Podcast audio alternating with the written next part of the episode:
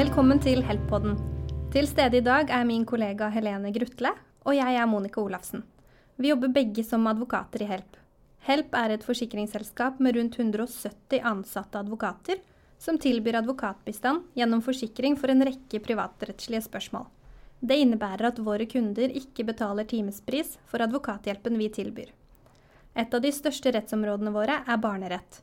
Du kan lytte til tidligere episoder i Help-podden om barnerett, der du vanligvis lytter til podkast. I dag så skal vi snakke om barnebidrag. Helene, kan ikke du helt først kort forklare hva barnebidrag egentlig er? Jo, det kan jeg selvfølgelig. Eh, det er sånn at alle foreldre har en plikt til å forsørge barna sine. Og dette gjelder uavhengig av om man har samvær med barnet, eller hvem barnet faktisk bor sammen med. Og foreldrene som ikke bor fast sammen med barnet, skal være med å forsørge barnet ved å betale det man kaller barnebidrag. Barnebidrag er i utgangspunktet en privat sak mellom foreldrene, og det er derfor opp til foreldrene å bestemme og bli enige om beløp og annet innhold i en sånn avtale. Men hvis foreldrene ikke blir enige, så kan minst én av de søke om at Nav skal fastsette barnebidraget for dem.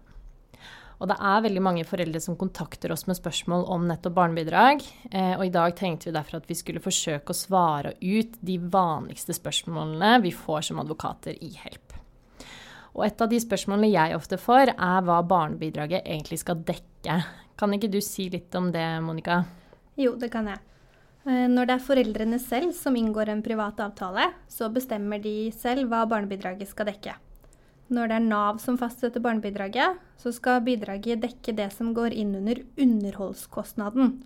Kort fortalt så handler det om kostnadene til den daglige forsørgelsen av barnet. Altså alt fra mat og drikke, klær og sko, bo- og tilsynsutgifter til lek og fritid. Og som vi nevnte innledningsvis, så står foreldre fritt til å inngå private avtaler om barnebidrag. Og så lenge foreldrene er enige, så er dette ofte den beste løsningen. Det kan likevel være greit å være klar over at en privat avtale om barnebidrag vil overstyres av Nav, dersom en av foreldrene ber Nav om å fastsette bidraget. Nav vil da i de fleste tilfeller fastsette bidraget fra det tidspunktet en av foreldrene søkte, og den private avtalen vil derfor som regel ikke lenger gjelde fra dette tidspunktet. At Nav sitt vedtak overstyrer, gjelder både private avtaler inngått mellom foreldrene, men også eksempelvis rettsforlik som regulerer barnebidrag.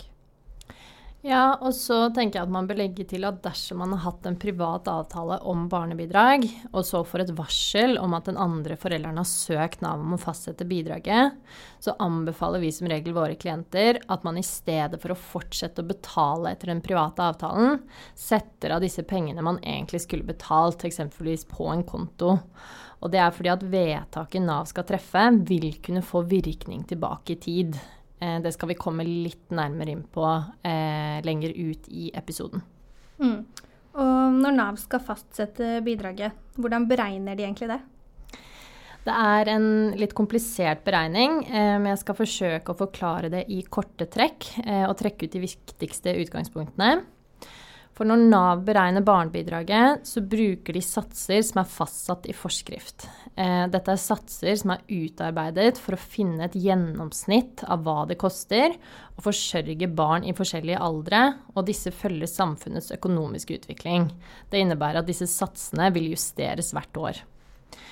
Og satsene tar utgangspunkt som nevnt i barnets alder, og som eksempel viser satsene at den underholdskostnaden per måned for et barn på åtte år er på 8734 kroner. Og når Nav da skal beregne bidraget, så tar de utgangspunkt i denne satsen, og skal deretter vurdere hvor stor del av denne hver av foreldrene skal dekke. Beregningen nettopp av hvor stor del av satsen hver av foreldrene skal dekke, tas igjen med utgangspunkt i foreldrenes inntekter. Det betyr at den forelderen som tjener mest, skal dekke en større del av kostnaden, og Nav foretar her en forholdsmessighetsvurdering. Og når Nav ut fra foreldrenes inntekter har beregnet hvor stor del hver av foreldrene skal dekke, skal det deretter vurderes om den som skal betale bidrag, også skal få fratrekk i beløpet for samværet som gjennomføres, samt om den som skal betale bidraget, har evne til å betale det bidraget som Nav har fastsatt. Og hvor mye fradrag som gis for samvær med barnet eller barna, tar også utgangspunkt i fastsatte satser. Disse satsene hensyntar både barnets alder og antall overnattinger per måned hos den forelderen som skal betale bidraget. Hvis man f.eks. har samvær med et barn annenhver helg, som tilsvarer ca. seks netter per måned, og man har samvær fra fredag til mandag, vil man for et barn på åtte år få et fradrag på 1209 kroner per måned. Og så skal jo Nav eh, også foreta en bidragsevnevurdering. Eh, den kan kanskje du si litt nærmere om, Monica? Ja, for Nav skal vurdere om en forelder har evne til å betale barnebidraget som er fastsatt. Og også her forholder de seg til fastsatte satser. Dette innebærer at de ikke kan hensynta hvor store forbruksutgifter man som forelder faktisk har, men bruker de fastsatte satsene til å vurdere om foreldren etter betaling av barnebidraget har igjen nok midler til å forsørge seg selv og eventuelle, eventuelle øvrige barn. Dersom Nav ser at dette ikke er tilfellet, vil de nedjustere størrelsen på barnebidraget kjønnsmessig. Det kan også være greit å være klar over at eh, barnebidraget øker med barnets alder, og i de tilfellene Nav har fastsatt barnebidraget og krever det inn, så blir satsen automatisk justert 1.7, det, det året barnet fyller 6, 11 og 15 år. Så dersom barnet bor fast hos en av foreldrene, er altså det vi har gjennomgått nå, i korte trekk slik Nav beregner bidraget. Dersom barnet bor hos begge foreldrene, blir beregningen litt annerledes. Siden barnebidrag skal fordeles forholdsmessig etter foreldrenes inntekt, så kan en forelder bli ansvarlig for å betale barnebidraget, selv om det foreligger en avtale om delt fast bosted, eller man har 50% samvær. Nav vil da legge til grunn at foreldrene dekker 50% av utgiftene for barnet hver, og må deretter ta en vurdering av om inntektsforskjellene tilsier at den ene forelderen likevel skal være med å dekke noe mer enn den andre. Og det er viktig å være klar over at dersom Nav skal legge til grunn at barnet eller barna har delt fast bosted, må det sendes inn en skriftlig avtale om dette som begge foreldrene har signert. Eh, og som advokat i Help så får vi også ofte veldig mange spørsmål knyttet til barnebidrag for barn som er over 18 år. Eh, for det er sånn at plikten til å forsørge et barn i utgangspunktet opphører den måneden barnet fyller 18 år. Men foreldre kan likevel være pliktige til å betale bidrag så lenge barnet gjennomfører det man kaller normal skolegang etter de har fylt 18 år. Dette er typisk fullføring av videregående skole, eh, men Nav vil her kunne gjøre skjønnsmessige vurderinger av den skolegangen barnet faktisk går på, og hvorvidt det er å anse som normal skolegang. Og når barnet fyller 18, er det barnet selv som blir part i bidragssaken. Eh, og barnebidraget vil da betales direkte til barnet, og ikke til den andre forelderen, eh, sånn som tidligere. Og tidligere vedtak om barnebidrag opp opphører den måneden barnet fyller 18 år. Så dersom barnet skal ha rett på barnebidrag etter fylte 18, så må barnet selv søke om det. Eventuelt så kan en av foreldrene søke på vegne av barnet, men dette må da gjøres før barnet fyller 18 år. Nå har vi jo snakket litt generelt om eh, barnebidrag og hvordan Nav eventuelt fastsetter det. Si at du nå har fått et vedtak fra Nav, og at du er uenig i Navs vurdering. Hva gjør man da, Monica? Jo, når man mottar et vedtak fra Nav, så har man mulighet til å klage på dette. Klagefristen er på tre uker, og foreldrene må sende en skriftlig klage til Nav med en forklaring på hva man er uenig i. Når Nav mottar en slik klage, vil de foreta en ny vurdering av saken. Denne klagebehandlingen har en saksbehandlingstid på ca. 15 uker. Dette tar med andre ord svært lang tid. Dersom Nav mener vedtaket er riktig, eller de er usikre på om klager skal få medhold, vil de sende saken videre til Nav klageinstans. Nav klageinstans har myndighet til å foreta en helt ny vurdering av saken, og saksbehandlingstiden her ligger på ca. 26 uker fra de mottok saken fra Nav. For den foreldren som klager, så er det viktig å være oppmerksom på at en klagebehandling innebærer en ny vurdering av hele saken, og at man derfor faktisk også risikerer at bidragets størrelse endres i motsatt retning av hva man har anført i klagen. Og så får vi ofte spørsmål om man må betale bidrag i perioden hvor klagen behandles. Svaret på dette er ja. Foreldrene som skal betale bidrag, må betale bidraget fastsatt i det opprinnelige vedtaket underveis i klagebehandlingen. Det er først dersom Nav kommer til at vedtaket var feil, at dette vil få virkning for parten som har klaget. Og når Nav fatter et vedtak, så varierer det når de setter virkningstidspunktet for vedtaket. Vil du si litt mer om det, Helene? Ja, det kan jeg, eh, og det stemmer. Eh, for når Nav fatter et vedtak, så vil virkningstidspunktet variere fra sak til sak. Og det innebærer at man som forelder kan motta et vedtak som har virkning tilbake i tid. Eh, og kort fortalt så innebærer det at man har opparbeidet seg en bidragsgjeld for perioden mellom søknadstidspunktet og vedtakstidspunktet.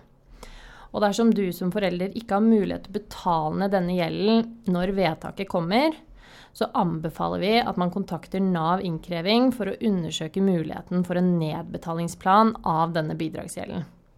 Eh, og for ordens skyld er det greit å være klar over at en slik eventuell nedbetalingsplan hos Nav innkreving kun knytter seg til gjelden som er opparbeidet mellom søknadstidspunktet og vedtakstidspunktet, og at dette må betales ned sammen med det vanlige barnebidraget. Og dette er også bakgrunnen for at vi tidligere i episoden anbefaler at man setter av penger underveis i saksbehandlingstiden hos Nav, sånn at man har midler tilgjengelig til å nedbetale denne gjelden når vedtaket kommer. Jeg tenkte også det kunne være greit å nevne at vi ofte blir kontaktet av fortvilte foreldre som opplever at den andre forelderen nekter de samvær eh, og kontakt med barna, til tross for at man egentlig har en samværsavtale. Fordi dersom forelderen som holder igjen samvær, ber Nav om å fastsette bidraget på nytt i denne perioden, vil resultatet ofte bli at Nav beregner en ny sats med utgangspunkt i at det ikke er noe samvær. Og dette det vil kunne få veldig stor betydning for bidragsstørrelsen, og oppleves ofte som både fortvilende og urettferdig for den forelderen som skal betale bidrag. Det har vi selvfølgelig veldig stor forståelse for, men utgangspunktet for barnebidraget er at pengene skal følge barna der de er, uavhengig av hva som er bakgrunnen til at det ikke gjennomføres samvær. Og Nav har heller ikke myndighet til å vurdere hva som er bakgrunnen for at det ikke er samvær. De skal kun ta en vurdering av hva som faktisk er reelt samvær på vedtakstidspunktet. Da tror jeg at vi har vært gjennom de spørsmålene vi oftest får som advokater i Help når det kommer til barnebidrag. Eh, og jeg tenker helt avslutningsvis, Monica, hvis du skulle gitt foreldre som har spørsmål rundt eh, barnebidrag, noen gode tips, hva skulle det vært? Ja, da vil jeg rett og slett anbefale at man går inn på Nav sine nettsider om barnebidrag. Der finnes det ekstremt mye nyttig informasjon. På nettsidene kan man også finne en bidragskalkulator, som kan være et godt verktøy både for de som vil inngå en privat avtale, men også for de som lurer på hva Nav vil kunne komme til dersom man ber om en fastsettelse av barnebidraget. Jeg pleier i tillegg alltid å informere mine klienter om at det påløper et gebyr på rett over 1000 kroner for hver av foreldrene hver gang man ber Nav om å fastsette barnebidraget. Det kan derfor være lurt å ta seg god tid til å være grundig i søknadene eller svarene til Nav, slik at man unngår å måtte søke flere ganger. Ja, det tenker jeg var eh, gode tips. Eh, og da takker vi for at du hørte på denne episoden, og håper at den ga noen svar til dere foreldre som sitter med spørsmål om barnebidrag. Eh, vi minner samtidig om at vi i Hellpodden har flere episoder om også andre temaer innenfor barnerett. Eh, vi avslutter også kort med å rette en stor takk til Francesco, som har sørget for eh, god lyd her i dag.